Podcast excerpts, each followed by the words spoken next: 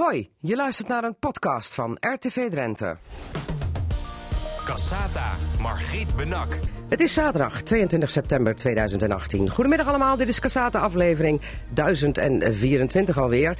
Over de Drentse waterstofexpeditie in Amerika. Over Drentse museumstukken die op expeditie gaan naar Iran. En een eerste succesje in de windmolenstrijd, want het VN-tribunaal in Genève die gaat in de zaak duiken.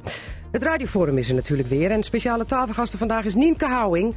Actief als VVD-wethouder in Borg-Rodoorn. Maar, jawel, donderdag gastvrouw van koning Willem-Alexander... bij de opening van de schaapskooi in het Bargerveen. Cassata, Margriet Benak. Radio Drenthe.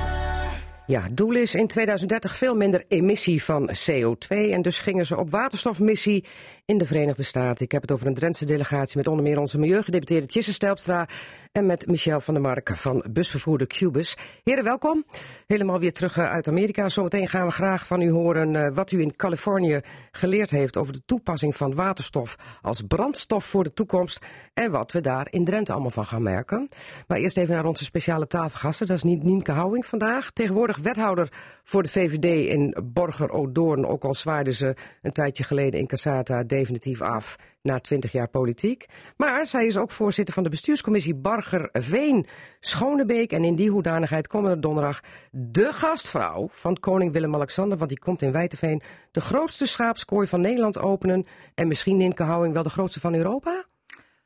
Nou, dat durf ik zo niet te zeggen, maar wel van Nederland. En uh, ja, het is natuurlijk, uh, wij kijken uit naar een prachtige dag uh, donderdag. Hè? Ja, hoe is het met weer uh, voor komende nou, donderdag? Ik, ik, volg het nu heel erg nauwkeurig natuurlijk, want we hopen in elk geval op, het droog, op droog weer. Hè? Dus een beetje fris is, dat is niet zo ramp.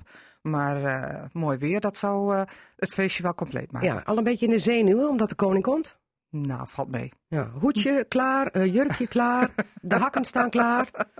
nou, ik ben inderdaad wel even wezen shoppen, maar uh, geen hoedje, geen hakken, want ja, dat past niet in de Bargeveen. Nee, hè? een beetje baggeren op de hakken door ja, het Bargeveen. het zal wel een slechte dag zijn, dus, uh, ja. dus nee, we hebben, ik heb geprobeerd een beetje een passende outfit te vinden. Dus, moet ook niet te veel opvallen, hè? want alle aandacht moet naar de koning gaan. Ja, ik zal me bescheiden opstellen. Ja. Waarom ja. komt de koningin eigenlijk niet mee?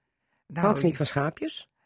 Geen idee. Uh, op een gegeven ogenblik uh, bepaalt, uh, voor zover ik weet, het, het, Koningshuis, het kabinet, wat er allemaal omheen, die bepaalt op een gegeven ogenblik wie waar naartoe gaat. En, en of ze al dan niet met z'n tweeën gaan. Dus wellicht dat onze koningin een ander programma heeft. Die ja, dag. maar het is al een hele tour, denk ik, ook om de koning zover te krijgen dat hij de schaapskooi in het Bargeveen opent. Nou, ik weet het niet. Waarom zou het moeilijker zijn dan, dan voor iets anders? Ik, ik, hij heeft aangegeven dat hij hier naartoe wilde komen en... Uh, geïnteresseerd is in alles wat er gebeurt. En ja, laten we, dan kunnen we wel met elkaar zeggen van, goh, nou ja, het is een beetje, hè, het ligt wat afgelegen allemaal. Maar oh, maar zo bedoel ik het niet. Oh, maar nee, uh, om de koning iets te kunnen laten openen, oh, ja, dat, dat, daar moet je al heel uh, op tijd bij zijn. Ja, ja, ja, ja, ja, dat wordt ook via het provinciehuis ook geregeld. Dus uh, dat moet je wel, wel heel vroeg bedenken dat dat leuk zou zijn. Ja, en hoe vroeg is vroeg? Wanneer was het bedacht? Nou, om ik denk Willem-Alexander dit te laten openen? Dat, dat zijn we wel, denk ik wel, een half jaar, drie kwart jaar. dan toch wel dat je daar mee bezig bent, dat je het vroeg moet melden. Want die agendas worden natuurlijk heel vroeg ingepland. En ja. ja, dan moet het ook passen met, is er dan geen staatsbezoek net, of dat ze in het buitenland zijn, of, of dat soort dingen. Maar de laatste keer dat de koning in Drenthe was, Tjisse Stijlstra, kijk even naar, uh, naar u. Dat was toch uh, in uh, Frederiksoord ja. met betrekking tot de maatschappij van weldadigheid en ja. 200-jarig ja, bestaan. Klopt, ja, ja, ja, en daarvoor is hij toen bij de opening van Wildlands geweest. Nee, en dan, dus, tussendoor nog naar het Blauwe As in Assen. Ook nog. Ook, ook nog. Ja, dus, dus eigenlijk komt hij hier heel vaak, hè? Goed, ja. hè? Goed, hè? Ja, goed. Ja, nee, dat, heeft, dat regelt de provincie dan even weer. Nou, er is altijd wel enig contact. Ja. Um, wat is er zo bijzonder aan deze schaapskooi dat het een koninklijke koninklijke opening krijgt? Nou, ik weet niet, Margriet, of je er ooit uh, geweest bent, maar dan zou ik willen zeggen... Ik heb prachtige droombeelden gezien. Ga eens kijken, ja, want het is echt heel mooi geworden. Het is natuurlijk onderdeel van een veel groter project hè, rondom uh, uh, de natuurontwikkeling in, in Bargeveen. Maar ook de dorpen eromheen zijn er heel nauw bij die ontwikkeling betrokken. En we hebben geprobeerd, en daar zijn we nog steeds mee bezig en dat lukt ook aardig, om het recreatief toeristisch ook een goede impuls te geven in het gebied. Dorpen goed aan te laten sluiten. En de, natuurlijk ook niet te vergeten de verbinding met Duitsland uh, optimaal te optimaliseren. zodat je makkelijker grensoverschrijdend toeristen naar dit gebied trekt. En Dat Ja. is heel mooi geworden. Even voor alle duidelijkheid, eh, er is nu al eh, drie weken lang een grote veenbrand gaande over de grens. Eh, dat grenst niet aan het Bargeveen, hè? Nee, nee, nee. nee. Ligt, Gelukkig maar. Het ligt wat hoger. En het heeft vannacht geloof ik flink geregend. Dus Ja. wie weet helpt dat allemaal een beetje mee om zo'n veenbrand ook weer uit te krijgen. Maar goed, nee, dat, niet dat de koning straks onder een grote rookgordijn eh, verstopt gaat als de wind verkeerd staat vanuit het Of dat oosten. we denken, dat we, wat krijgen we toch warme voeten. Maar dat, Ja, ja. nee, dat, eh, nee, dat maak je geen zorgen. We zullen het allemaal goed regelen. En we gaan eh, ons, eh, er ligt een prachtig programma voor de koning, maar eh, ook voor, eh, voor het dorp zelf. Oké, eh, we gaan straks over dat programma praten, want we willen natuurlijk weten wat gaat de koning allemaal doen, wat gaat hij zien en eh, wat voor verrassing heeft Nienke Houwen misschien nog wel in petto voor de koning zelf. Maar eerst even naar eh, de waterstofmissie van een Drentse delegatie in Amerika afgelopen week. Ze kwamen, eh, vorig weekend kwamen ze terug, gedeputeerde Tjisse Stelpstra van Drenthe, voorop natuurlijk voor de troepen als milieugedeputeerde. En eh, in het gezelschap was ook eh, Micha van der Mark van busvervoerder Cubus. Missie Californië, het mekka van de waterstof heb ik geleerd. Eh, wat heeft u daar te zoeken, Tjisse Stelpstra, als Drentse bestuurder? Nou, wij zijn vorig jaar tijdens de grote klimaatconferentie in Bonn in contact gekomen met gouverneur Brown van Californië. En zo kwamen we eigenlijk aan eh, aan het spreken dat er een grote klimaattop ook in Californië zou zijn. En toen kwam eigenlijk daar het idee naar boven van, misschien kunnen we wel met een handelsmissie daar naartoe. Nou, daar hebben we over nagedacht. Toen zijn we eigenlijk tot de conclusie gekomen, als je dan een handelsmissie doet, doe het dan heel gericht en heel concreet. Eh, en we zijn hier met een paar bedrijven met waterstof bezig en kijken hoe we daar eh, connecties kunnen leggen. Of dat wij iets kunnen leren, of dat we daar ook eh, misschien bedrijven business kunnen doen. Maar leg even uit, het eh, waterstof, wat is dat voor product en wat hebben we eraan? Nou ja, waterstof eh, is eigenlijk een, eh, eh, een, een energiedrager, zeg maar. Die kun je voor verschillende dingen gebruiken. Eh mooi hier is dat we hem ook in de chemische industrie kunnen gebruiken. Maar als eh, product ook voor brandstof in bussen. Daar ga je Michel straks wat Ja. iets over vragen. Maar ook in, eh, in auto's, in vrachtwagens. Is het een hele mooie eh, eh, vervanger. En je kunt het maken uit schone energie. Uit schone energie, eh, dat houdt in windenergie en zonne-energie. Ja. Want je hebt namelijk heel veel energie nodig, heb ik begrepen, om waterstof te kunnen maken. Ja, maar er gaat ook heel veel energie, eh, is overbodig straks. Hè? Want het waait niet altijd, de zon schijnt niet altijd. En eh, dus is het heel belangrijk dat je het ook kunt opslaan, die energie.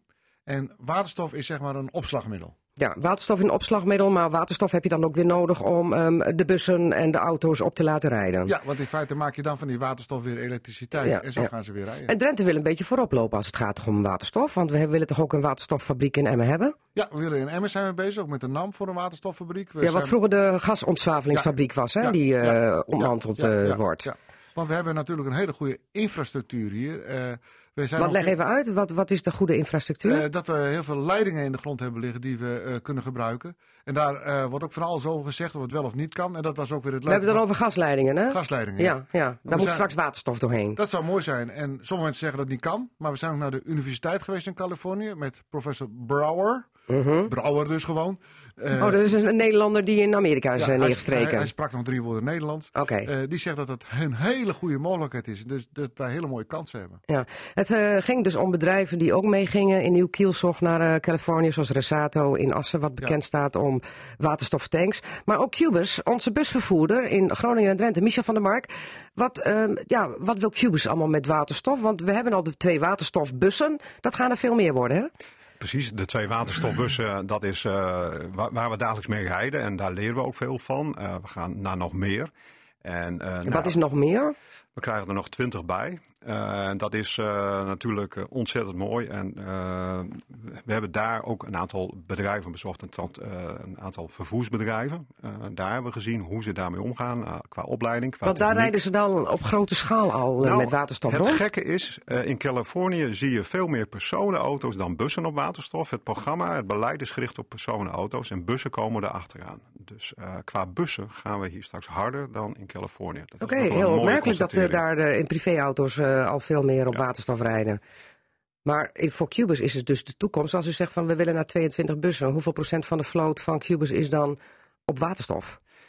Uh, dat zal iets van uh, 15, uh, 15 tot 20 procent zijn, maar het is uh, een deel, want het is een deel van de oplossing. Je hebt uh, elektrische bussen die rijden op batterijen, die je onderweg opladen. Je hebt waterstofbussen, dus er is voor elke toepassing is een oplossing. En waterstof is meer voor de langere afstanden. Ja, want als je met een elektrische bus rijdt, dan moet je om de havenklap de stekker ergens in stopcontact of in een, in een vulpunt. Ja, wat, hoe noem je dat? Ja, Gewoon een laadpaal steken. Ja. ja. Met waterstof kun je op langere afstand rijden. Ja, daar rij je ongeveer 100, 150 kilometer verder mee dan met een bus op batterijen. Dus mag ik zo zeggen dat dat misschien veel meer de toekomst is van Cubus als het gaat om streekvervoer?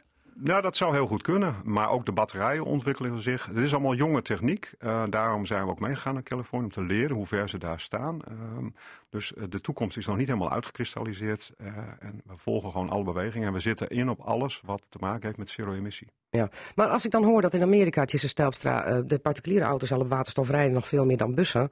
Waarom kan dat hier nog niet?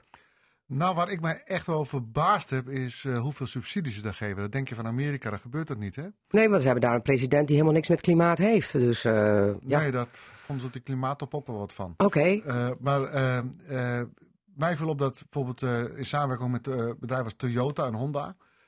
de auto's redelijk goedkoop zijn.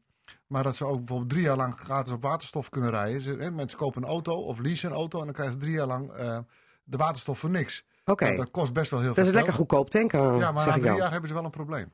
Want? Dan is er geen subsidie meer. En dat hebben ze nog niet opgelost. Want Dat- dat- is de prijs dan onbetaalbaar voor waterstof op dat nou, dan, moment? dan is het in ieder geval wel duurder. En, eh, en we verwachten dat die prijs gaat dalen. Eh, maar dat viel mij ook met het vrachtvervoer op. Eh, vrachtwagens, eh 3,5 ton kosten die dingen in dollars. Er staat 2 ton subsidie op. Nou, het klinkt allemaal heel mooi, maar als het zo erg door de staat moet worden ge- gedaan, dan is de vraag of dat uiteindelijk, dan ben je wel heel snel. Maar of het op termijn volhoudt, dat weet ik niet. Dus, dus als u dat allemaal wil bereiken in de provincie Drenthe, dan ehm, is de bodem van onze provinciale schatkist al heel snel in zicht. Eh, als je met dat soort subsidies gaat beginnen, wel. Dat gaan we dus ook niet doen. Nee. Maar wat we wel doen, is inderdaad in onze concessie met eh, het openbaar vervoer hebben, we daar dingen kunnen doen. Ja. Eh, we gaan nu ook een. eh, Maar dat was een voorwaarde, hè? want eh, Cubus is, eh, is bij de aanbestedingsronde weer als beste uit Ja. de bus gekomen.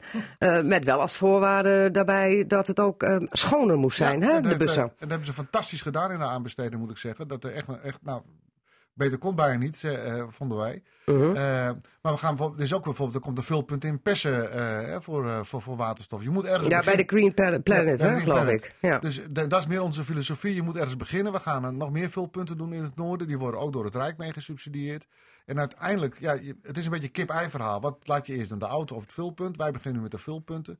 En verwachten dat uiteindelijk de waterstof ook goedkoper gaat worden. Ja, want als je geen vulpunten hebt, en daar weet Cubus alles van, dan Mhm. kun je de bus ook niet laten rijden. Want jullie hadden twee waterstofbussen en er was gelijk al een probleem toch. Waar vullen we eh, de bus? Dat klopt, want de bussen waren eerder dan het vulpunt. Ehm, dus dat betekent dat je op zoek moet naar waterstof. Ja. Nou, zeg maar twee, drie punten in Nederland zijn, is dat best wel een uitdaging. Ja, eentje was geloof ik in Delfzijl of zo. Of, eh, Daar staat ons eh, huidige vulpunt. Dus Ja. eh, wij tanken dagelijks in Delfzijl. We rijden elke dag met elke bus eh, ruim 300 kilometer. Dus nu is het gewoon de dagelijkse operatie. En vorig jaar was het nog wat experimenteel. Maar Ja. nu gaan we volop. Maar als er dan een vulpunt in Persen bij komt op korte termijn, dat scheelt al een stuk voor Cubus. Het is belangrijk dat de distributie op gang komt in het noorden. En je voelt aan alles dat die, die optie er is. Er is eh, bij Axo Nobel is eh, relatief goedkope, duurzame waterstof verkrijgbaar. Als je dat kunt distribueren en op andere punten ook nog waterstof kunt maken, op wat voor manier dan ook. Dan komt het eh, wiel in, in gang. En dat is ook wel wat Chisse zegt. Eh, de overheid zal moeten helpen om het wiel draaiende te krijgen. En dan gaan de prijzen ook zakken. En dat eh, zal in Californië ook gaan gebeuren. Maar dat het dan in Persen ook een vulpunt komt, scheelt dat dan ook eh, voor Cubus? Of is dat dan niet speciaal een vulpunt voor uw bussen? Dat, dat kan, maar het is ook voor personenauto's bedoeld. Want als je ziet langzamerhand dat hier ook langzamerhand steeds meer voertuigen komen op waterstof. Ik denk dat er al wel ruim 30 rondrijden in beide provincies. Dus eh, die moeten ook tanken. Eh, in Groningen. 30 auto's op waterstof die nu rondrijden Ja, in het noorden. en Die, die tanken op verschillende punten. Ja. Eh, maar je moet dat uitbreiden, want je moet nooit de onzekerheid hebben dat je niet kunt tanken. Dus dat zijn met name eh, bedrijven, gemeentes die al eh, ja, best wel ver zijn met waterstof. En we hangen nooit ja, daar heel breed de vlag uit van we Nee. zijn heel goed bezig. Dat is ook wel een beetje wat we in het noorden doen. Te bescheiden? Te bescheiden. In Californië zien we ja, heel veel trots. Ja. En ik denk dat we ook wel trots mogen zijn op de stapjes die we nu maken. Oké. Twee bussen rijden er nu. U wil naar 22. Wanneer, wanneer rijden die 22 waterstofbussen bij Cubus? Ik kan er nog geen exacte datum voor geven, maar dat zal in, de- in de komende jaren gebeuren. Eh, In de komende jaren, dan, dan, dan, dan nou, daar rijdt u ik 2021 Binnen twee, binnen twee jaar. binnen twee jaar. En daar hebt u voor nodig vulpunten en ehm, een nieuwe bussen die op waterstof kunnen rijden. In ieder geval één vulpunt, een extra vulpunt. En ja, alles wat meer is, gaat ons helpen. Ja. Ehm, maar we kunnen ons zelf wel bedruipen en we hopen dan ook anderen te kunnen helpen. Maar ik las ook dat in 2030 toch wel ehm, het, het wensbeeld is dat 90% van het openbaar vervoer helemaal ehm, uitstootvrij is. Ja. Dus op waterstof rijdt. Nee, dus het kan ook op elektrisch. Elektrisch, Ja, dat kan dus- ook dus natuurlijk. precies- Afhankelijk van of de batterijen goed kan worden Ja. opgeladen. Het, is, het is de combinatie elektrisch, eh, eh, waterstof. Nou, je ziet ontwikkelingen ontzettend snel gaan. Eh nou, Cubus heeft ook gezegd dat ze dat gaan halen. Dus, eh, eh, dus, dus ja, daar maak ik me eerlijk gezegd geen zorgen over. Nee. En wat ik wel mooi vind, als je dan in, wat wij uit Californië ook wel meekregen, als ze dan horen hoe wij met het openbaar vervoer bezig zijn. Dan zeggen ze van nou, dan zitten jullie eigenlijk, eh, als je op wereldschaal bekijkt, behoren jullie tot de top in het openbaar vervoer. En dat verbaast je dan wel een beetje, in dat eh, kleine noorden zeg maar, en dat grote Californië. Denk ik Ja, van, ja, nou, wat, wat Kleine Noorden nog beetje weer groot in, Ja, eh, in kan ja. zijn. U glundert erbij. maar wat, wat heeft u nou geleerd? Wat hebben jullie dan als delegatie nu meegenomen uit Amerika... waarmee u hier aan de slag kunt om misschien wel versneld over te gaan op die waterstoftoepassing? Ik heb twee dingen geleerd eigenlijk. Eén, dat je als overheid het kunt stimuleren door, nou, bijvoorbeeld door die vulstations eh, mee te helpen doen. En het tweede wat ik geleerd En ook dus mee te betalen? ook mee te betalen. Maar het tweede wat ik geleerd heb is over dat meebetalen. Zorg ook dat je een plan hebt voor als de subsidie stopt. En dat hebben ze daar niet. En Nee. ik denk dat ze daar dan een probleem Want mee anders staan de auto's en de bussen zometeen stil. Ja, dan is, de, dan, dan is het aantrekkelijker eraf. Dus, Ja. ook, dus ook als je iets subsidieert, denk er heel goed na hoe je dat doet. Dus Ja. nooit op de, op, de, op de in exploitatie, zeg maar, maar wel in de investering. Ja. En als ik dan ga naar eh, Michel van der Mark van Cubus, wat heeft u meegenomen uit Amerika? Wat ik heb meegenomen is dat je ondernemers nodig hebt die durven. Een overheid die durft. En dan kun je samen stappen maken en dat wiel eh, in beweging zetten. Maar wat Ja. betekent dat dan concreet, een overheid die durft? Eh, en we hebben hier een overheid die durft eh, Ja. om van 2 naar 22 te gaan. 22 waterstofbussen eh, fors in te zetten eh, op elektrisch. Dus we zijn al erg ambitieus. Mhm. Dat is het een wat ik heb geleerd. Het andere wat ik heb geleerd is eh, de verandering die noodzakelijk is bij mensen. En dan heb ik het over onze chauffeurs om over te gaan op nieuwe technieken. Dus van een dieselbus naar Ja. elektrisch of waterstof. Nou heb ik ook daar gezien dat daar veel eh, energie in wordt gestoken om die mensen op te leiden. Is het anders, is het anders rijden dan? Het is anders rijden. Ja? Het is net als in een elektrische auto, die trekt heel erg snel op. Eh, de lampjes zijn anders. Het is allemaal anders. Je moet onderweg niet vergeten op te laden. We hebben ook bussen die onderweg opladen. Nou, al die verschillende technieken, eh, we nemen de mensen daarin mee. Die vinden het ook prachtig. Eh, maar het is wel een belangrijk onderdeel dat je niet alleen techniek hebt, maar ook mensen. Maar één groot voordeel is het toch ook dan dat je niet meer in die stinkende dieseldamp zit. Absoluut. Ja, Nou, dat lijkt me wel. ja. Ja. Ehm, ehm, u glundert erbij, uh. Wordt dit een speerpuntje ook met de verkiezingen straks? Drenthe of Noorden op naar waterstofregio? Wat mij betreft is het, een, is het een heel belangrijk punt. Maar ik denk dat sowieso in de verkiezingen, maar ook wel zonder verkiezingen, energie een van de grootste speerpunten Ja. van deze, van deze dat denk ik periode sowieso wel met de transitie. Ik heb wel gezegd, het is misschien wel de grootste transitie van deze eeuw die we gaan Ja. meemaken als Ja. eh, samenleving. Er komt de klimaattop, las ik, 2019 in het Noorden. Vertel. Nou, we gaan, eh, hebben natuurlijk eh, een paar jaar geleden ook eentje gehad in het noorden. Eh dit gaan we herhalen. was een groot succes. Er waren heel veel deelnemers. En we gaan kijken of we daar weer goede mensen kunnen krijgen. Ik hoop eigenlijk, zijn we een klein beetje mee bezig, of we, of we daar ook mensen uit Californië Ja, kunnen dat wou ik net zeggen, want u bent daar geweest. En het lijkt me dat je dan die mensen kunt strikken om naar de Noordelijke klimaattop te komen. Ja, ja, om de gouverneur hier te krijgen, dat is misschien wel heel hoog gegrepen. Maar we gaan, nou, dat, eh, het is de vijfde economie ter wereld. Hè? Dus Ja. even, even in vergelijking, even op, op schaal. Nou, ik zag een mooie vlog van, eh, van u met de gouverneur. Ik denk van nou, die is beste vrienden geworden met die kerel. Nou, dat was de consul. Oh, dat, sorry, dat Ja, was de consul. Ja, oh ja, excuus. Ja, de consul gaat misschien lukken. Maar eh, moet zeggen, we hebben wel de ambitie. En we, zijn, we hebben wel contacten met het kabinet van de gouverneur daar. Om te kijken of we in ieder geval wel een delegatie van hun eventueel ook eh, naar Nederland kunnen krijgen. Of op de klimaattop of op een ander moment. Oké. En hoe snel eh, hebben we iets meer eh, waterstofbussen dan de twee die er nu rijden, Michel van der Mark? Wanneer kunnen we de derde en de vierde eh, gaan eh verwelkomen? Ja, dat zal de komende tijd gaan gebeuren. ehm, maar daarover volgt vanzelf meer nieuws. Eh, Oké. Dus hou, hou de media goed in de gaten. En als je dan in zo'n eh, bus zit als passagier, wat merk je ervan dat hij dan op waterstof rijdt? Eigenlijk uh, niets anders dan een elektrische bus. Want een waterstofbus is gewoon een elektrische bus. Dus een stille, comfortabele bus waar Ja. je heerlijk vervoerd wordt van A naar B. Oké, goed. Heren, we gaan het afwachten. Eh, we gaan kijken eh, wanneer we de vruchten kunnen plukken van jullie eh, trip naar eh, Californië in de States. En eh, wanneer dan die eh, paar bussen erbij komen, dat gaan we natuurlijk ook volgen. Michel van der Mark van Cubus en Tjisse Stelpstra, gedeputeerde in Drenthe met onder andere milieuzaken in portefeuille. Dank voor jullie komst. Eh, Drenthe heeft eh, heel veel bijzonders in huis. Eh, niet alleen schapen, heide en het Bargeveen, maar ook hele bijzondere Drentse museumstukken, zoals een veenlijk, die op expeditie gaan naar Iran, naar het Nationaal Museum of Iran. National Museum, moet ik dan zeggen. Harry directeur van het Drents Museum. Deze week is het grote inpakken begonnen en eh, we gaan straks horen wat er allemaal die kant op gaat en eh, ja, wanneer het weer terugkomt. En komt het echt wel terug? En eh, we gaan het ook hebben over een klacht van de belangengroep van omwonenden van windturbines. Die is ingediend bij het VN-tribunaal in Genève. Die is ontvankelijk verklaard deze week. Is een eerste succesje, maar ehm, wat zijn dan de gevolgen als die klacht echt helemaal akkoord wordt bevonden daar in Genève bij het VN-tribunaal? Maar eerst even naar onze speciale tafelgasten, want dat is vandaag eh, de gastvrouwen die komende donderdag koning Willem-Alexander mag ontvangen bij de opening van de schaapskooi in Wijteveen in het grote Bargerveen. Nienke Houwing, want eh, u bent voorzitter, zoals het heet met het duurwoord, van de bestuurscommissie Bargerveen-Schoneweek.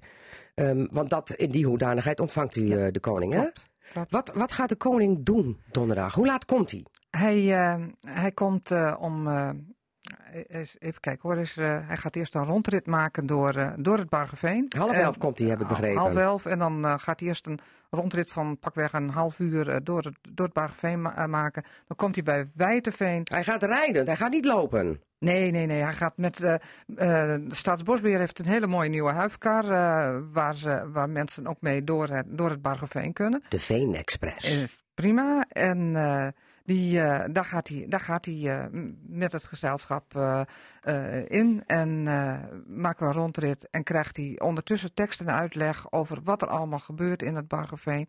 Wat de Doet u dat of doet iemand anders dat? Nee hoor, dat doet, eh, doet onder andere een van de boswachters en eh, de pro- projectleider van eh, de bestuurscommissie Bert van Guldener geeft ook tekst en uitleg. Want Dus- voor de duidelijkheid, Bargeveen is onder beheer van Staatsbosbeheer, geloof ik. Hè? Klopt. Ja. En het is een groot natuurgebied waar eigenlijk het, het, het grootste hoogveenreservaat wat we hier in Nederland en Europa kennen. En wat het echte doel is vooral ook om dat hoogveen te laten groeien.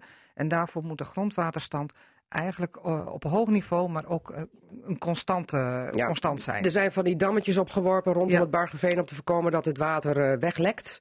Grote en- buffers zijn aangelegd. Buffer, bufferzones. Ja. Niet alle boeren in die omgeving waren Nee, er zo blij nee, mee. Het was nee. hoop gedoe, hoop gelazen. Ja, daar zijn we nog volop ook mee bezig. Ja. En uh, wij proberen daar toch uh, uiteindelijk voor iedereen wel een win-win situatie van te maken. Zodat ook, uh, ja, er zit een, uh, voor de boeren een grote herinrichting ook. Dus een routverkaveling. En proberen we ook de waterhuishouding in dat gebied. Maar we hadden het eigenlijk over het programma van de koning. Want we komen nog zometeen nog wat te spreken over wat is er nou zo bijzonder aan dat Bargeveen. Uh, dat dat uh, zo'n grote schaapskooi ook vraagt van duizend schapen uh, die erin kunnen in die kooi. Hij gaat op die Veen Express, uh, toert een half uurtje door het gebied. Krijgt tekst en uitleg. Ja. Komt dan uit in het dorp Wijdveen. Ja. Pakt een stukje van Wijdeveen mee. Hè, mooie, Dan kan iedereen zwaaien en ja, hallo ja, ja, ja, zeker. En dan gaan we naar de, gaan we naar de schaapskooi. En daar wordt hij ontvangen Maar die door... ligt wel buiten. Ja, die ligt aan de rand. Ja, Ja. dat is allemaal niet zo, zo ver. Dus eh, dat ligt dan mooi tegen de rand van het dorp aan. En eh, dan gaan we daar naartoe. En daar wordt hij ontvangen door, eh, door de schaapsherder, door Luc Bos. En, eh en directeur van Die sinds jaar en dag al schaapherder. Hè? Hoe lang zit hij er al niet? Ja, al heel lang. Ja, Ja, heel Ja, lang. Al heel lang. Maar... En die zegt tegen de koning, gooi de dun maar los, koning. Ja, we hebben natuurlijk eerst een officiële ontvangst zoals dat hoort. En Ja. met een aantal speeches. En er zijn nou, gasten uitgenodigd die daar ook bij aanwezig zijn. Dus de ene helft van de, de schaapskooi eh, wordt gebruikt voor de ontvangst en voor het programma. En de andere helft, daar zitten keurig de schapen te wachten tot ze naar buiten mogen. En eh, op enig moment eh, vindt de openingshandeling plaats. Nou, Hij doet het toch niet met een knal of een kanon of zo, hè? Dat de Nou, schapen nee. zich helemaal het schrikken. Laten we, laten we dat maar een mooie, mooie verrassing nog zijn, hoe we dat precies gaan doen. En, ehm, nou ja, en, en daarna gaan we naar, gaat hij naar buiten en krijgt hij nog Nou, ga, ga de schaapstellers nog wat vertellen over de kudde, eh, over de honden, hoe ze, et cetera. En gaan we een wandeling maken naar eh, onder andere het, eh, het restaurant informatiecentrum wat erbij is. Oké. En eh krijgen wordt ook iemand vanuit uit het dorp die gaat vertellen over, over de historie van, het, van Wijterveen. Mooi verhaal. En, en, en dan zegt de koning, bedankt voor alles, ik ga weer, toedeloe. Hoe lang heeft het dan geduurd? anderhalf uur met elkaar. Anderhalf uur. En hij vertrekt ook niet mm, eerst nadat hij ook nog een optreden van Daniel Loos heeft gezien. Dus, eh, Oh, wat gaat hij zingen? Weet nou, dat weet ik niet. Dat, dat, Hij heeft eh, ooit een heel mooi liedje gemaakt voor zijn moeder. Beste koningin. Maar dat zal hij ongetwijfeld niet gaan zingen voor de koning. Want het lijkt een beetje raar natuurlijk. Nee, hij zal vast wel een, eh, een mooie, mooi passend lied hebben. En, eh, In Drijns natuurlijk, hè? In met ongetwijfeld. En eh, daar laten wij ons ook door verrassen. Oké, we gaan zo meteen verder praten over wat er nou zo bijzonder is aan het Bargeveen. Ehm, en ook, kan iedereen daar gewoon naartoe gaan in Wijteveen? Nu nog niet het antwoord geven, dat doen we na één uur. We hebben eh, namelijk ook nog andere gasten hier aan tafel. Want Drenthe heeft meer bijzonders in huis dan Schorpies, Heide, Bargerveen, et cetera. Namelijk uh, Drentse museumstukken zoals een veenlijk die op expeditie gaan in Iran naar het National Museum, Museum of Iran. Harry Tupan, directeur van het Drents Museum. Deze week is het grote inpakken begonnen, zag ik bij ons op TV Drenthe. Uh, een veenlijk is ingepakt, maar dan denk ik, gewoon niet het veenlijk, het meisje van Ide, maar de man van Tweede Mond. Klopt. Het meisje van Ide blijft gewoon in Drenthe. Dat mag niet naar Iran? Ja, dat mag wel, maar weet je, uh, onze bezoekers zijn natuurlijk, ja, je hebt van, van die iconen. Uh, het Rijksmuseum heeft de nachtwacht, het gaat ook nooit weg. Ons icoon is het meisje van Ide, boot van Pessen. En die spulletjes blijven altijd mooi in Ik kan me toch herinneren dat meisje van Ide op expeditie is geweest met de tentoonstelling The Mysterious Bark People. Zeker, is ja. er geweest. Dus een rondreizende tentoonstelling van Veenlijken. Toen is ze met nodig gemist, Margriet. Dus, uh, dus we laten het meisje mooi thuis. Oké, okay, ja. en daarom mag de kerel van Tweede Mond mag wel hen. We laten nee, dit keer een man naar het Verre Oosten vertrekken in ja. plaats van een jonge dame. Oh, natuurlijk. Een meisje is natuurlijk ook niet zo gepast. Misschien daar in Iran? Vast, vast wel. Oh, oké. Okay. Nee, ik maak nu even een grapje, want je hebt natuurlijk wel cultuurverschillen tussen Iran Zeker. en Drenthe. Um, is dat toch niet een barrière in zo'n uitwisseling van uh, tentoonstellingen? Nou ja, de andere cultuur in Iran? Niet, eigenlijk niet. Nee? Kijk, kijk, je weet als je met zo'n, uh, ja, met een ander land uh, een uitwisseling doet, dat je, dat je, ja, dat je, dat het niet allemaal zo gaat zoals, zoals het bij ons gaat. Hè. Wij zijn heel open, het gaat allemaal heel makkelijk.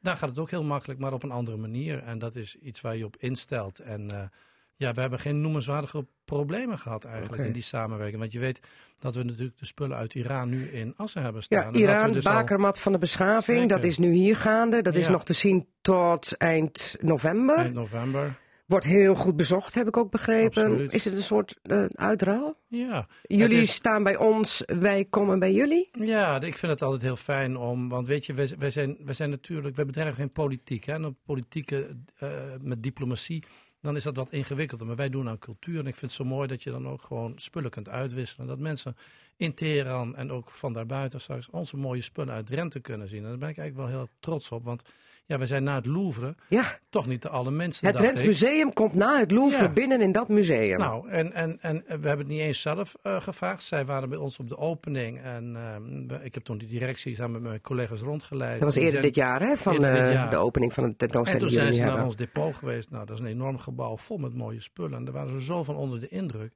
Dat ze zeiden van, uh, kunnen wij niet een tentoonstelling uit jullie collectie samenstellen?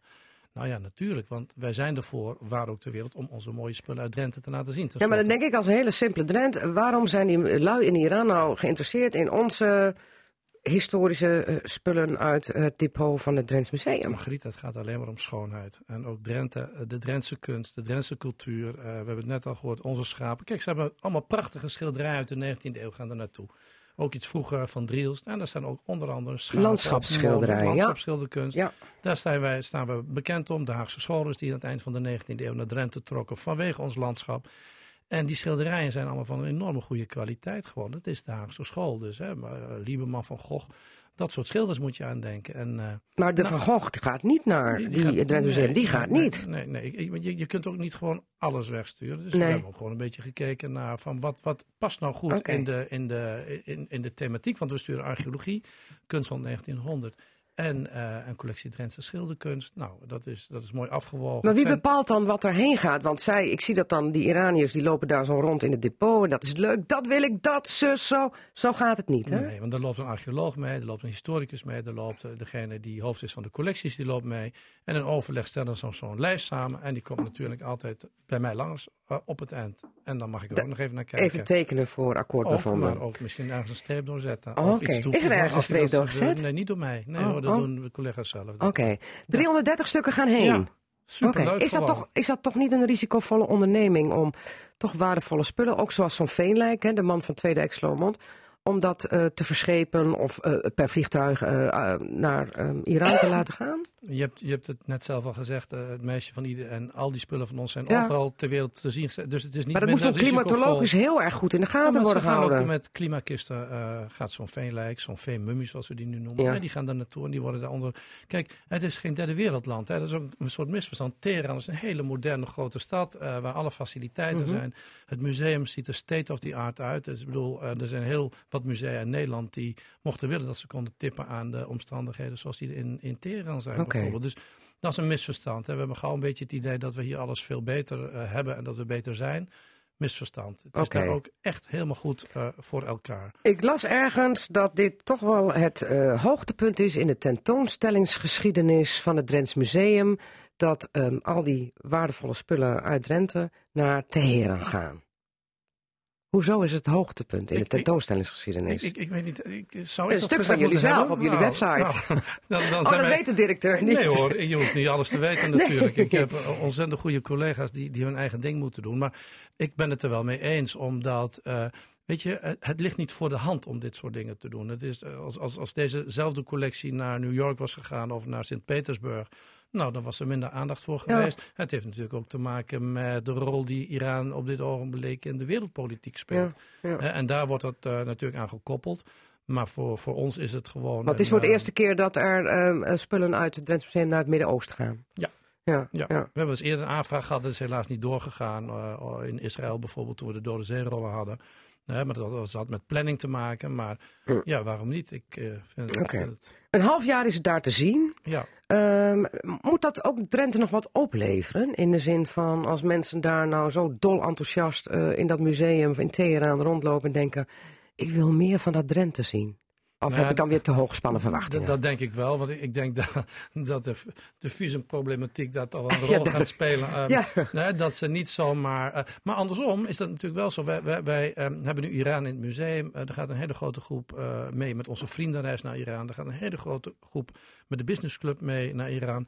Wat ik misschien ook nog even mag vertellen is dat ik niet alleen afreis naar eh, Teheran. Ik heb een aantal collega's die daar aan het eh, uitpakken en het inrichten zijn. ja, maar die zijn er nou bij betrokken bij de inrichting nou ook van de tentoonstelling. Eh, onze Nederlandse eh, ambassadeur, de meneer Jaap Werner, die zal eh, ook op de opening met mij spreken. En ook gedeputeerde Kees Bijl. Want het is tenslotte een Drentse collectie. Die zal mij vergezellen naar, eh naar Teheran. een leuk tripje voor Kees. Nee, dat gaat die gedeputeerden die reizen wat af eh, trouwens. Ah, nee, maar je, je maakt er nu weer een grapje van. Dat, dat, en dat begrijp ik Dat doe ik ook. Maar het, het, het is voor het museum heel belangrijk, omdat je, je vertegenwoordigt Drenthe. Hè? En, en, en zoals iedereen waarschijnlijk weet, is de collectie ook van de provincie Drenthe. Dus, eh, Want bij Saldo is het Drents Museum ook van de provincie Drenthe eigenlijk. De, de- nou, het, het museum niet, de collectie wel. hè. Ja, We- dat wij, zijn van onszelf, maar de collectie is van de Ja, maar provincie. goed, er wordt heel maar veel geld ingepompt door, het, eh, door de provincie een, een Drenthe. deel van het geld, want een heel groot deel doen we zelf. Dus dat is ook iets genuanceerder, Margriet. Je kent me toch? Jazeker, en Ja. daarom krijg je ook zo'n antwoord. Want anders, eh, anders is de spanning eruit natuurlijk. Hè? Dus, nee, maar dat wil ik graag nog even zeggen, want, want wij vinden dat gewoon belangrijk. Dat je, hè, Kees Bijl die heeft ook eh, eh, toen ook met de Iraanse ambassadeur in Nederland... ook samen met mij gesproken op de opening hier. En ik vind het heel correct ook dat we een, een tegeninvitatie hebben gekregen... ook om in dat duo-ship, maar eigenlijk met z'n drieën... want de ambassadeur spreekt ook, zoals ik al zei... om daar gewoon ook over, over Nederland en over Drenthe te kunnen Nou, dat is vertellen. natuurlijk ook een beleefdheidsbezoek wat dat betreft. Hoort erbij, een beetje status, de Nou, gedeputeerde die komt. Dat weet Toch? ik niet. Van, ik, ik zie mezelf ook niet als status en ik ga ook mee. Dus ik, Nee, maar het ik, komt ik omdat Harry echt- de Pan als directeur altijd eh, heel erg down to earth is. Gewoon, doe maar gewoon, doe je gek genoeg. Dat vind ik ook. Ja, en daarom ja. ben ik heel blij dat, eh, dat de heer Bijl met me meegaat. Oké.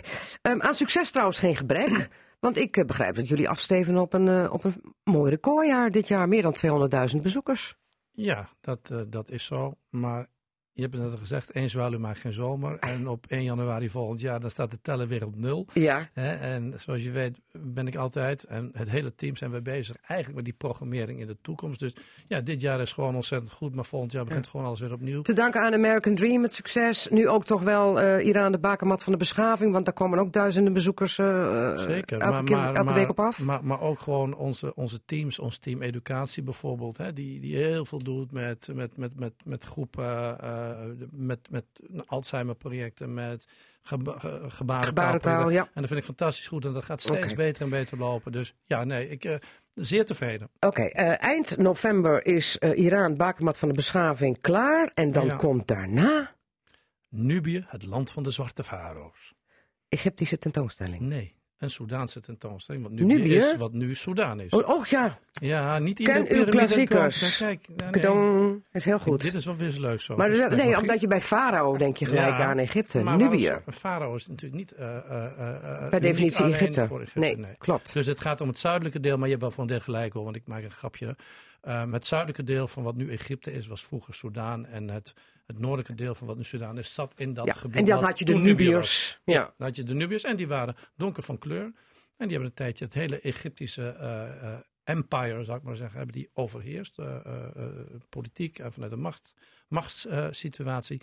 en die spullen krijgen we nu uit het Museum of Fine Arts in Boston. Oké. tenminste. Oh, dat komt dan uit Boston. Dat komt uit Boston. Oh, dat is wel weer heel apart. Waarom? Een expositie over Nubië en dan komt het spul uit Boston. Nou, als je een tentoonstelling over Rembrandt maakt, dan krijg je schilderijen uit Berlijn, uit New York, uit Wenen. Oké. Maar Giet, zo gaat dat, hè? Ja, zo gaat dat. Ik wens je veel succes Dankjewel. met je reis naar Iran. Wanneer ga je zelf? Eh, komende week? ik de, eh, volgende week zondag. Volgende week zondag, Volgende want 2 week oktober wordt het geopend. Half jaar te zien. En hoe heet Ja. trouwens in Goedrens daar de tentoonstelling in het Iraanse museum? Nou, dat heet Dutch Art from the Collection of the Drents Museum. Oké, nou in Goedrens. Harry Tupan, dankjewel voor je komst en succes met je reis naar Iran. Cassata. Cassata. Margriet Benak. Radio Drenthe. Ja, want we gaan het over windmolens hebben. Want een klacht van de Belangengroep van Omwonenden van Windturbines... die is ingediend bij het VN-tribunaal in Genève... die is ontvankelijk verklaard deze week. En dat is een eerste succesje in een hele lange, slepende procedure, mag ik wel zeggen. En als de Belangenclub uiteindelijk gelijk krijgt daar voor het VN-tribunaal in Genève... dan heeft dat gevolgen voor de bestaande en toekomstige vindparken. Of niet, Rob Rietveld, directeur van de Club van eh, Belangengroepen rondom windturbines. Zeg ik dat goed? Nou, we zijn een belangengroep voor omwonenden. En niet voor eh, groepen op zichzelf. Nee, Dus, voor eh, de- omwonenden. Dus we komen op voor de belangen van de omwonenden. Nee, maar het heeft, eh, heeft zeker gevolgen. Want ja, wat, wat we daar voor elkaar proberen te krijgen... is dat aan te tonen dat Nederland het, niet, het proces niet inricht... eh, met de rechten voor de omwonenden zoals het zou moeten... volgens eh, onder andere het verdrag van Aarhus. Ja, want leg even uit, ehm, wat klopt er dan niet aan hoe de Nederlandse staat... Want er is een aanklacht tegen de Nederlandse staat, hè, de staat der Nederlanden, die is neergelegd bij het VN-tribunaal in, eh, in Genève. Wat deugt er niet aan? Uh, wat en er- Janneke taal. Ja, wat er niet aan deugt, er zijn drie pijlers van het verdrag van Aarhus. En de drie pijlers zijn de toegang tot milieuinformatie, de toegang, de deelname aan besluitvorming en de toegang tot de rechter.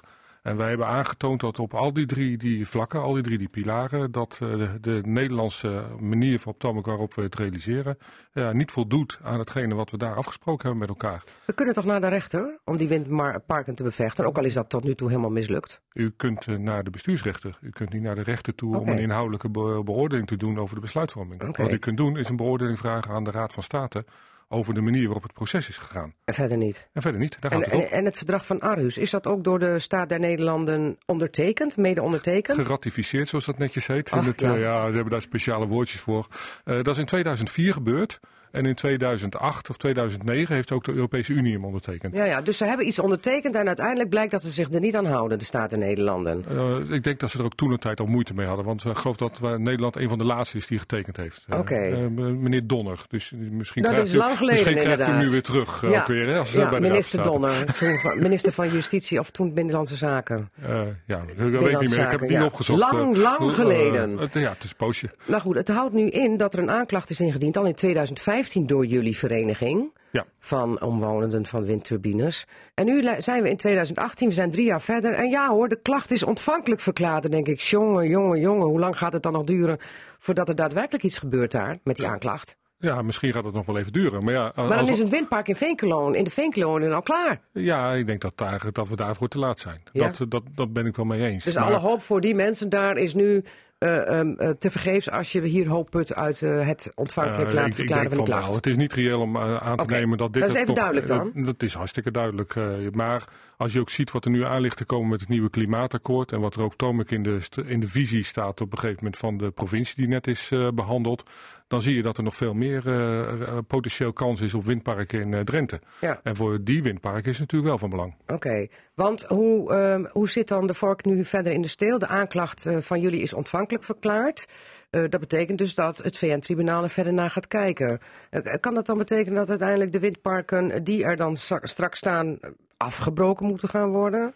Nee, dat is erg onwaarschijnlijk. Oh. Dat is, uh, de, de, de, hoogstens kan je, kan je achteraf zeggen, maar uh, je kent spreekwoord daarvoor. Ja, achteraf kan je cool. zeggen dat, dat het terecht is, al die commotie die er vanuit het gebied, uh, ook het laatste keer natuurlijk, met de Nationaal Coördinator, dat het eigenlijk wel terecht is even, dat die mensen afmaken, zo... Nationaal Coördinator terrorismebestrijding. en veiligheid, ja, Ja. Die, die iets geroepen heeft over ja, buitensporig geweld, windmolenterreur, terrorisme kwam een beetje om de hoek kijken.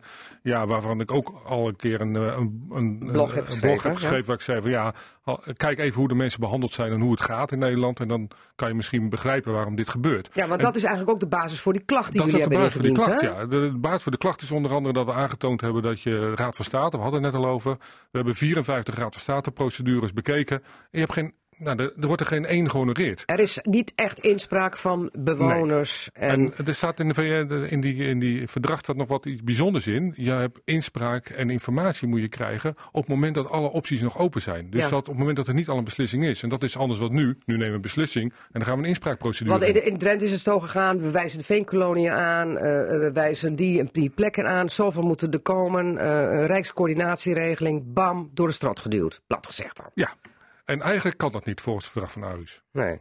En Nee. dus dat, dat is ook de reden waarom we eraan begonnen zijn. Is eh, minister Kamp, die destijds eh, aan de basis van de beslissing stond, wel eens met zijn eh, neus op dat verdrag van Aarhus gedrukt in al die tijd? Nou, u zal niet verbaasd zijn dat Nederland regelmatig, ook in Genève, aan heeft getoond dat, dat, dat, ze, dat we eigenlijk hier niet meer verder moeten gaan. En dat al, Nederland alles goed doet.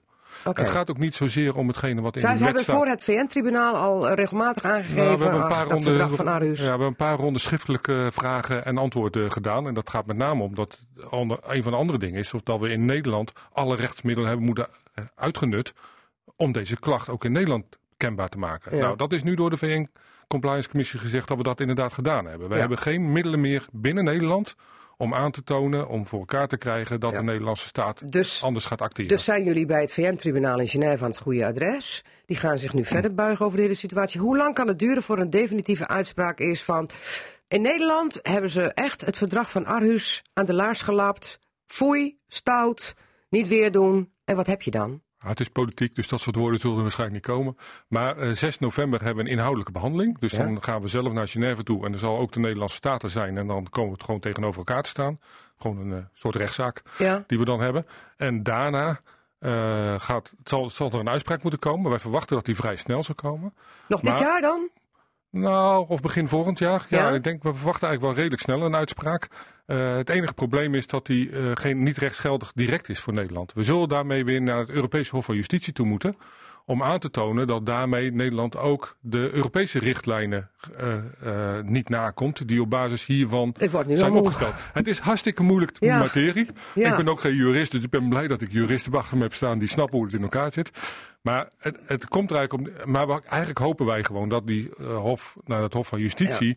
Kijk, als de VN Compliance Commissie daar een uitspraak over doet, dan verwacht ik eigenlijk dat we vanuit Nederland dat we gewoon een keer om tafel gaan zitten en gaan kijken hoe gaan we het nu doen. Oké, want als er dan, ehm, ehm, want ik heb nog eh, 50 seconden. Als dan eh, u op alle fronten gelijk krijgt, wat heb je dan? Dan eh, dat we het in het vervolg samen gaan doen. In plaats van dat het eh, over de hoofden van de mensen gaat gebeuren. En dat iedereen ook daar de vruchten van plukt. De revenuen en niet alleen Eh, windboeren. Dat kan een onderdeel daarvan zijn. Maar het gaat vooral om dat de mensen gehoord zijn en betrokken worden bij de besluitvorming. En het gevoel hebben dat er op een rechtvaardige manier met ze om is gegaan. Maar heel veel mensen die windmolens in de achtertuin krijgen, die willen het gewoon niet. Die willen er ook niet eens over praten. Dat klopt. Ja. En, dat zal niet u, veranderen. dat zal niet veranderen. En speciale tafelgast is nog steeds Nienke Houwing. Zij is donderdag de gastvrouw van koning Willem-Alexander bij de opening van de schaapskooi in Wijteveen. Ze doet dat uh, niet op hakjes, uh, gewoon uh, misschien wel met klompen aan, maar heeft ze nog een andere verrassing voor de koning in petto.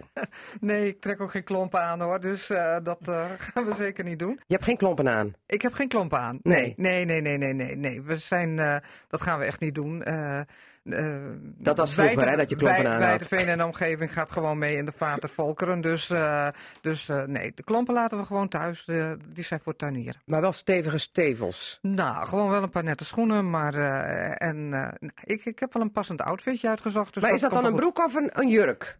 Ja, is dat belangrijk? Ik ben de koningin niet. Ik nee, nou ja, de gastvrouw. Hele, Hoe ziet de gastvrouw eruit? Ik, ik, heb gewoon een hele bescheiden rol. Maar, en die taak is vooral om... Om, om te zorgen uh, dat de koning op tijd van de ene gast. Nou, we hebben een programma, hè, ja? zodat hij met veel mensen, ook uit de regio, en die echt betrokken zijn geweest bij alle, bij de ontwikkeling, bij de bouw van een schaapskooi, et cetera. Dat hij met iedereen ook even poosje kan praten. En dat moet ik toch wel een beetje, beetje begeleiden, dat dat allemaal een beetje in het tijdschema past. Oké, okay, uh, u bent de priemende vinger die af en toe in zijn zij prikt van uh, en door, koning. Nou, ik weet niet of dat zo gaat, maar dat, uh, dat gaan we wel trekt. op een, op, op een, gewoon op een goede, bescheiden maar, manier gaan we dat doen. Toch weer even naar die outfit. Wordt het een broek of wordt het een jurk? het, nou, het, volgens, mij wordt, nou. volgens mij wordt het live uitgezonden, dus ik zou zeggen laat iedereen kijken. Want dan, anders vindt iedereen daar op de voorhand ook alweer wat van. Ik zal mij tegen mijn en, collega nadrukkelijk vertellen dat ze moet uh, vertellen wat Nienke Houwing donderdag ah, lijkt me, lijkt me helemaal geweldig. maar um, uh, Daniel Logus gaat zingen nog uh, aan het ja. einde, voordat ja. hij weggaat. Ja. Um, het is voor u nog een verrassing wat hij gaat zingen.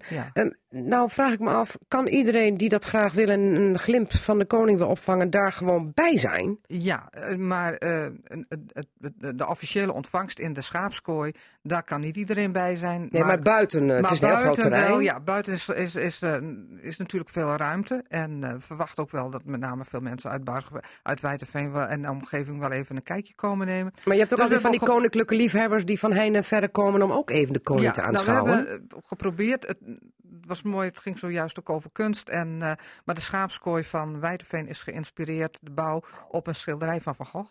En uh, die, in, die ooit in uh, Nieuw-Amsterdam uh, logeerde en prachtige schilderijen ook gemaakt heeft van, van onze omgeving.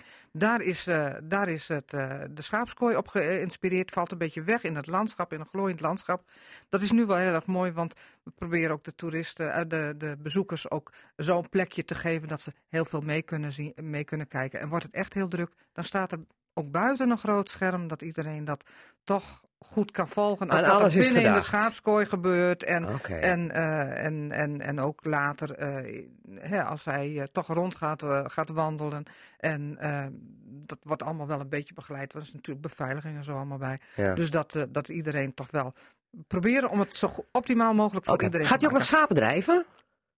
Nee, zit niet in het programma. Nee? Nee. Het leek me nou zo leuk dat hij even dat, dat doet onder leiding van Luc Bos, de kan, schaapherder. natu kan natuurlijk wel dat hij zelf voor die verrassing zorgt. Maar uh, hij krijgt wel, uh, tekst, hij krijgt wel tekst en uitleg van hoe die, hoe die honden dat nou doen met die schapen. Okay, hij is altijd wel een beetje los, dus wie weet wat hij nog Ja, voor verrassingen in petto heeft voor eh, jullie is daar. Is hij ook erg geïnteresseerd in, in natuur, natuurontwikkeling en dat soort zaken. Dus, uh, Ja, dus ja, dus ik, ik verwacht dat dat helemaal goed komt. Heeft u in uw bestuurlijk-politieke carrière, want eh, twintig jaar eh, zat u in de raad van Emmen, eh, was u ook wethouder met allerlei bestuurlijke functies er nog bij. Heeft u eh, al vaker de koning eh, ontmoet en mogen ontvangen? Of eh, anders daarvoor nog de koningin? Nou, Want zo lang gaat u al mee. ja, maar niet. Ik heb, de, ik heb toen nog prins Willem-Alexander een keer ontvangen thuis op ons melkveehouderijbedrijf. In Nieuw-Weringen. In Nieuw-Weringen, ja. En, Echt? Ja, serieus waar. Dus u bent reuze benieuwd dat hij nou tegen u zegt donderdag... Goh, jeetje, Ja, nou, wat zal leuk Nienke Houwing. Het zal er ongetwijfeld niet over gaan. Maar eh, ja, dat was dus wel een hele... Dat was toen Hoe lang is dat geleden? bijzonder- Dat was in 97, september 97. Omdat? Eh, nou, toen was het eh, in het kader van een kennismaking met het ministerie van LNV. En ging hij op werkbezoek bij de agrarische sector. En had hij een dag naar het noorden van het land waarin hij een natuurgebied ontzocht, bezocht. Een, een gebied een, met, waar natuur en agrarische sector nou verweven waren. En een bedrijf in de veenkolonie. En dat waren wij, waar het, waar het puur om de landbouw ging. Dus, uh, en ja, dat, dat was toen wel heel bijzonder. En in 1997? 97. Ja, dat is meer dan 20 jaar ja. geleden. Dus er is natuurlijk wel wat gebeurd. En dan zegt je, wat ben je groot geworden, Willem-Alexander. Ja, misschien zegt hij tegen mij van, nou, u bent wel heel erg oud geworden. Dus uh, oh, kan ook, hè, dat 20 Foei. jaar. Nou, ja. um, maar um, ik, dat was even voor mij het bruggetje ja. over die 20 jaar uh, gemeentepolitiek. U zat hier in uh, Casata eind maart om afscheid te nemen. Een ja. soort exitgesprek in Casata. En drie dagen later is in het nieuws en dan wordt ze wethouder van de VVD in Borgerdoorn. Ja. Ik denk, nou breek me een klomp. Ja, inderdaad. dat heeft ze niet gezegd toen in Casata. Nee, Wat zat nee. wel een beetje in het vat toen al. Het, het, ging daarna heel erg snel. Maar als je gevraagd wordt om wethouder te worden buiten je gemeente, hè, waar ja. je zelf woont. Dan je is gaat dat, vreemd. Uh, nou, zo ervaar, zo ervaar ik het niet. Maar uh, het is wel zo dat je dan wel even goed in gesprek moet gaan, ook met de fractie in Borgerdoorn. Van, nou, wat kan dat dan zijn? Wat kan ik dan, wat, wat hè, hoe, hoe gaan de zaken eruit zien? Uh, staat, uh, staat Borgerdoorn daar open voor? Uh, want maar ja, het antwoord kennen we, want ik moet naar, naar iets anders toe. Gekomen, ja. Ja, ja, nu is ze wethouder voor uh, de VVD in Borgerdoorn, maar het heeft trouwens even niks te maken met de schaapskooi en nee, natuurlijk, nee, want dat ligt in een totaal ander gebied. Ja. Maar u bent voorzitter van de bestuurscommissie ja. Bargeveen Schonebeek, wat dat ervoor gezorgd heeft dat die.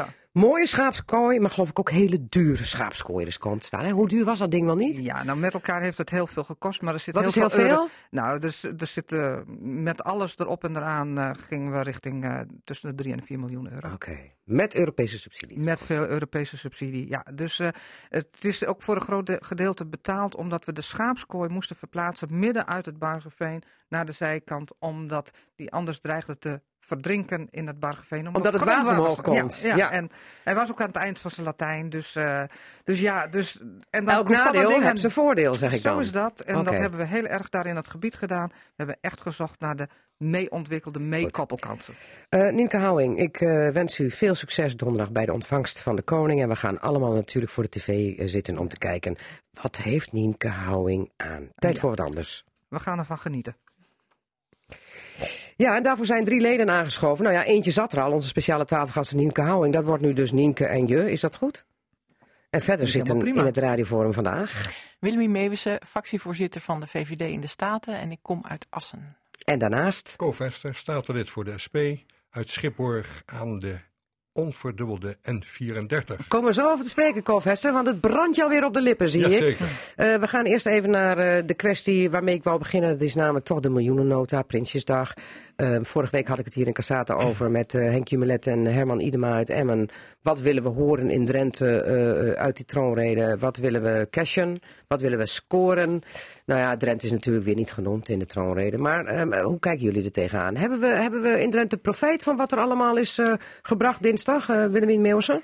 Nou, dat denk ik zeker wel. Um, eigenlijk want? ook, ook, ook uh, in het algemeen, hè, want iedereen gaat erop vooruit. Dus dat geldt ook voor de mensen in Drenthe, gaan er financieel op vooruit. Dus dat is natuurlijk voor iedereen een hele goede boodschap. Jij mag zo, Co. Jij mag zo. Ja, maar er wordt flink geïnvesteerd hè, in, in de zorg, in het basisonderwijs, in defensie. Nou, ik denk dat daar ook wel een deel van in, in Drenthe zal neerdalen.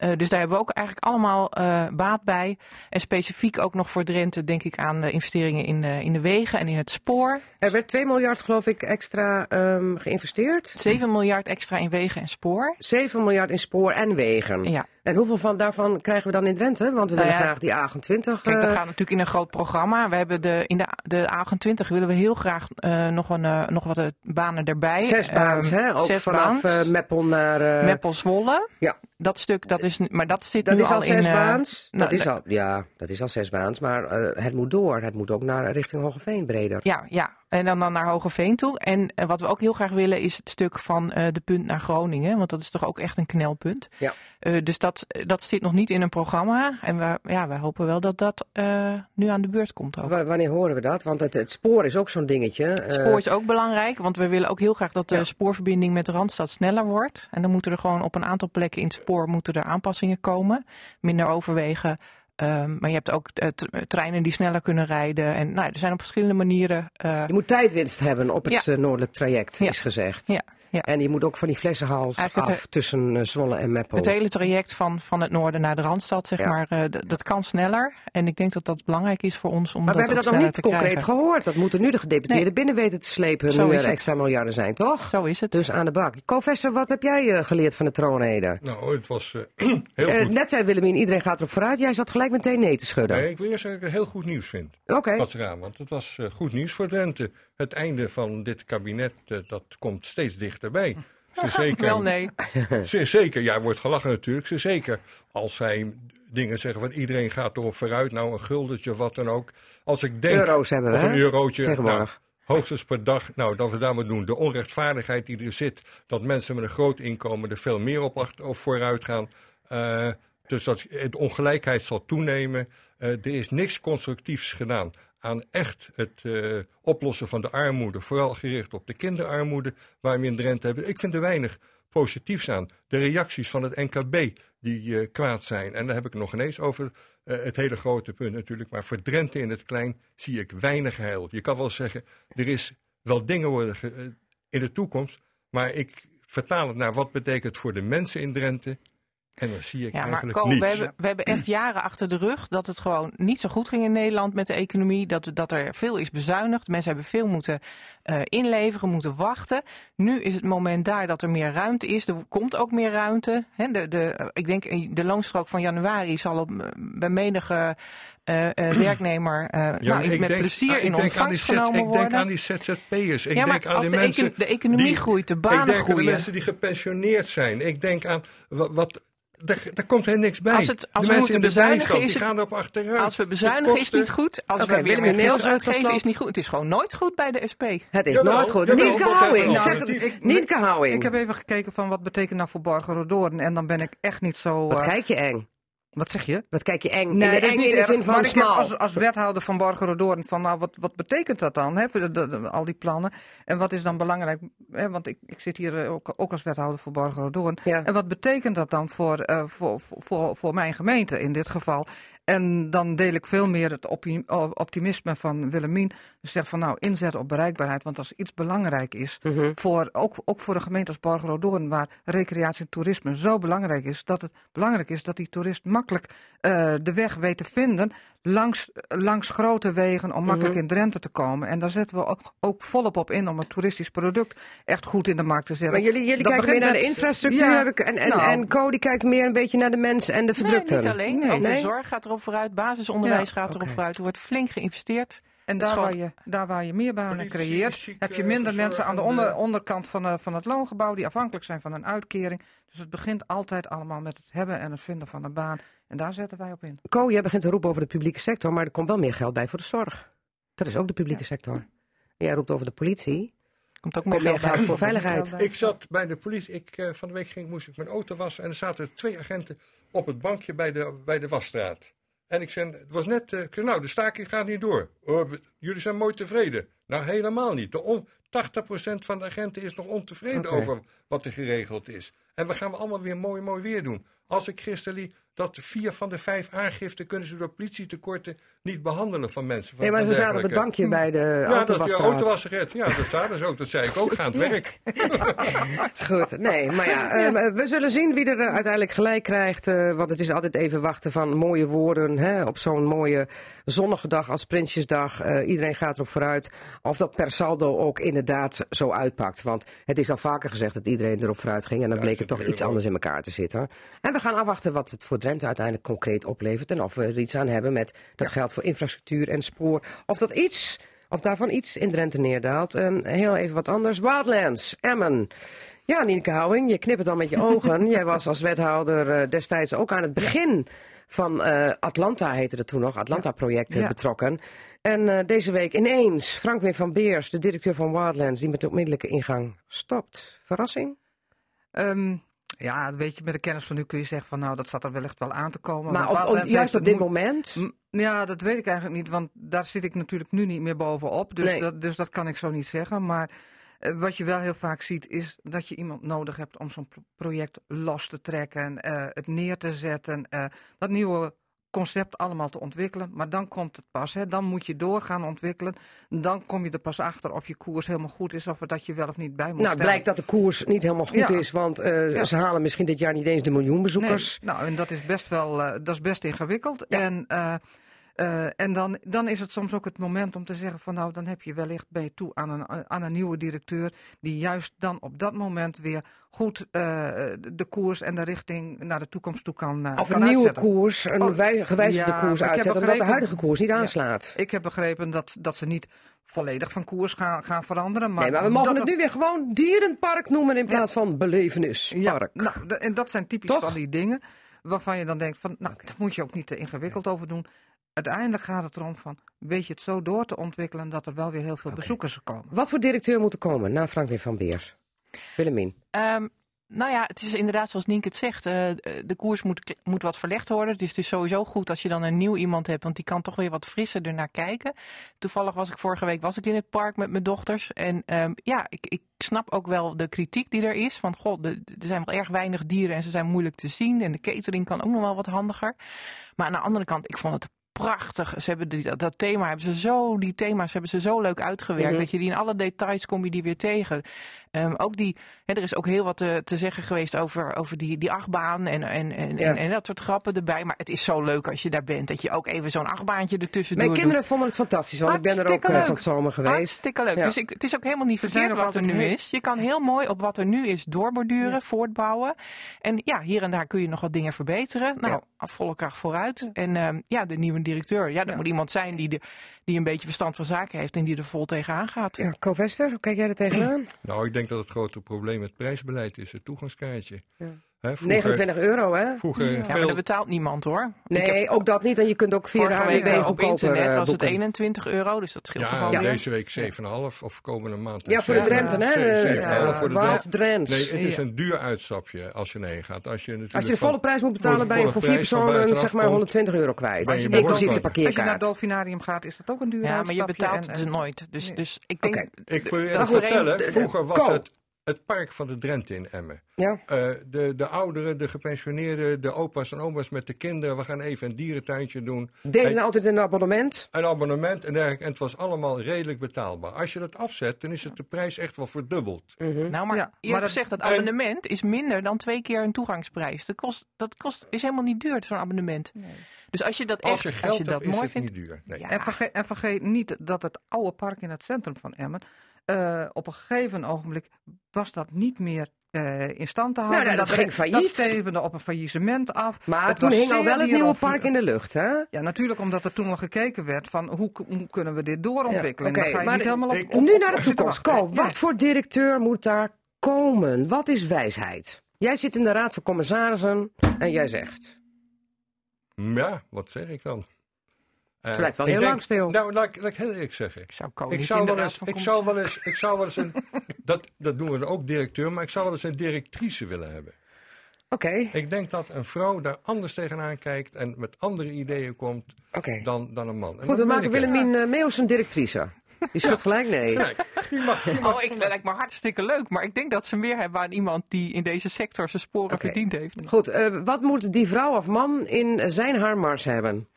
Vind jij? Nou ja, dat is eigenlijk wat ik net zei. Die moeten sporen verdiend hebben. En die, die moeten eh, die- eh, het park een beetje Ja, bijbouwen. maar wacht even. Jij zegt die op. moeten sporen verdiend hebben, maar Franklin van Beers was ooit directeur bij Dolfinarium. Ja. Dus die komt uit die branche. Ja, maar het, het is, Is ook het goed om af en toe iemand anders te nemen die daar weer fris tegenaan kijkt. Ja. Ik hoorde ook dat er een, een, een naam genoemd werd van iemand die eh, bijvoorbeeld in Artis al zijn sporen verdiend heeft. Nou, dat lijkt me heel verstandig, want die hebben kijk op de zaak en die weten hoe je zo'n park runt en neerzet. Maar iemand met meer gevoel eigenlijk voor dieren, hoe, hoe krijg je die dichter bij de mens? Want elke keer als ik Nou, kom, dan zie ik geen een onderdeel. ijsbeer in het water Nee, hoor. dat- En nee, de ijsbeer is een drama, maar het is een onderdeel. Het gaat ook om de catering, het Ja. gaat om, om inderdaad het prijsbeleid, wat voor acties, wat voor kortingen, wat, hoe weet je de mensen te verleiden om nou er ja, naartoe de te laatste gaan. tijd vliegen de acties je om de oren Ja, met Wildlands. hartstikke Ja. verstandig. Ja.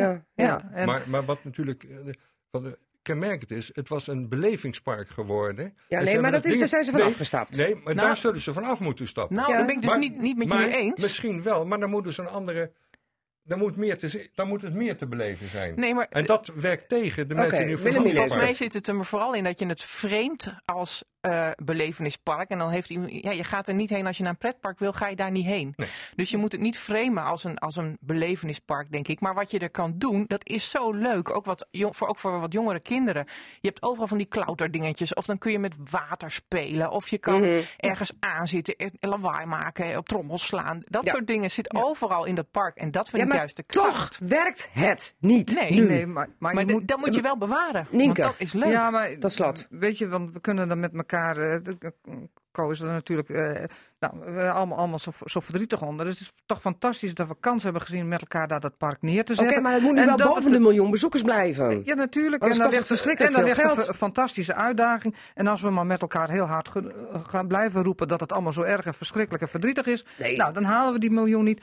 Schouders eronder, met elkaar een, een, een, een, een directeur die creatief is, die weet hoe de, hoe de toeristische En markt zet het merk zit. in de Nederlandse markt, want het is niet goed bekend. Ja. En, en, en ook de Duitse markt, die, daar ligt ook nog een enorme kans. Dus eh, schouders eronder, mouwen opstropen en niet zeuren. Eerste verandering, kans. eerste verandering, andere naam? Nou, dat zou erbij kunnen horen. Ja, Oké, goed. Eh, we gaan het afwachten. Een nieuwe directeur eh, zal nog wel enige maanden duren. In de tussentijd komt een interim directeur. Um, uh, Co-Vester die brandde het al op de lippen, de N34. Deze week onderwerp van gesprek in de Statencommissie in verband met de omgevingsvisie. Eh, heel lang gezeurd dat het een onveilige weg is. Op vier plekken moet het dan verdubbeld worden, zodat mensen toch die ongeduldig zijn kunnen inhalen. En nu is er weer een hoop gezeur over, want uh, omwonenden van de weg zien het niet zitten. En dan zeg jij heel kort, Co-Vester, ze hebben gelijk of ze hebben geen gelijk? Ze hebben heel erg gelijk. Want?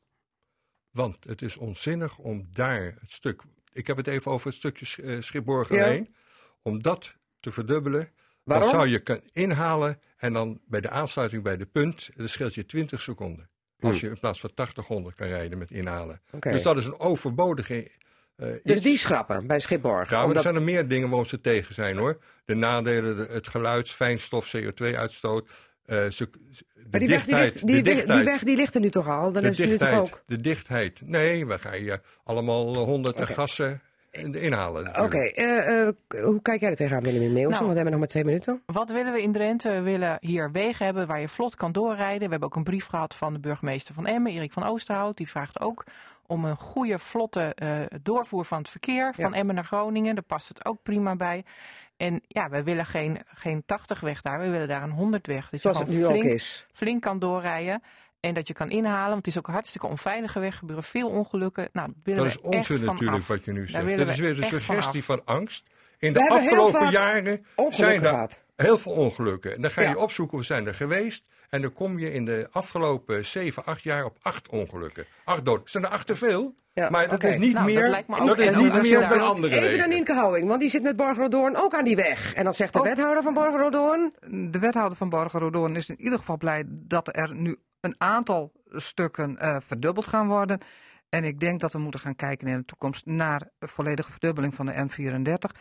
Met eh, mooie afritten bij Borger. En, eh, zo, en, zo, zodat ze in ieder geval langs die Hunebed Highway ook van al die... eh, Dat ze niet alleen maar over die Hunebed Highway gaan razen, maar er Nee. ook een afslagje Ja, nemen. absoluut, dan een afslagje nemen. Maar de verbinding tussen Emmen en Groningen moet optimaal zijn. Eerst maar die stukken, maar wordt het weer een eh, inzet van de verkiezingen, een verdubbeling en 34, net als vier jaar geleden? Nou, zeker. Maar we gaan er, we gaan er ook al mee beginnen. Hè. De startnotitie is net eh, eh, besproken. Dat komt binnenkort in de Ja, maar de algehele verdubbeling van De N34 algehele wordt de inzet van de ja, dat zou verkiezingen? het vervolg kunnen zijn. Oké. Ja.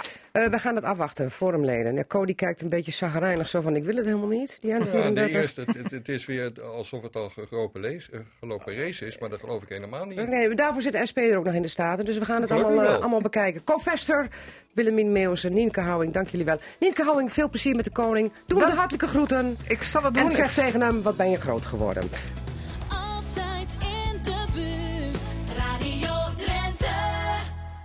Je luisterde naar Cassata. Dat is te beluisteren als radioprogramma op zaterdagmiddag, maar sinds kort ook als podcast. Net als het programma Drenthe Toen. Vond je het nou interessant? Geef ons dan 5 sterren en laat je beoordeling achter. En vertel het natuurlijk ook aan vrienden, familie en collega's. Daar help je ons mee, zodat we nog meer luisteraars kunnen bereiken. Tot volgende week.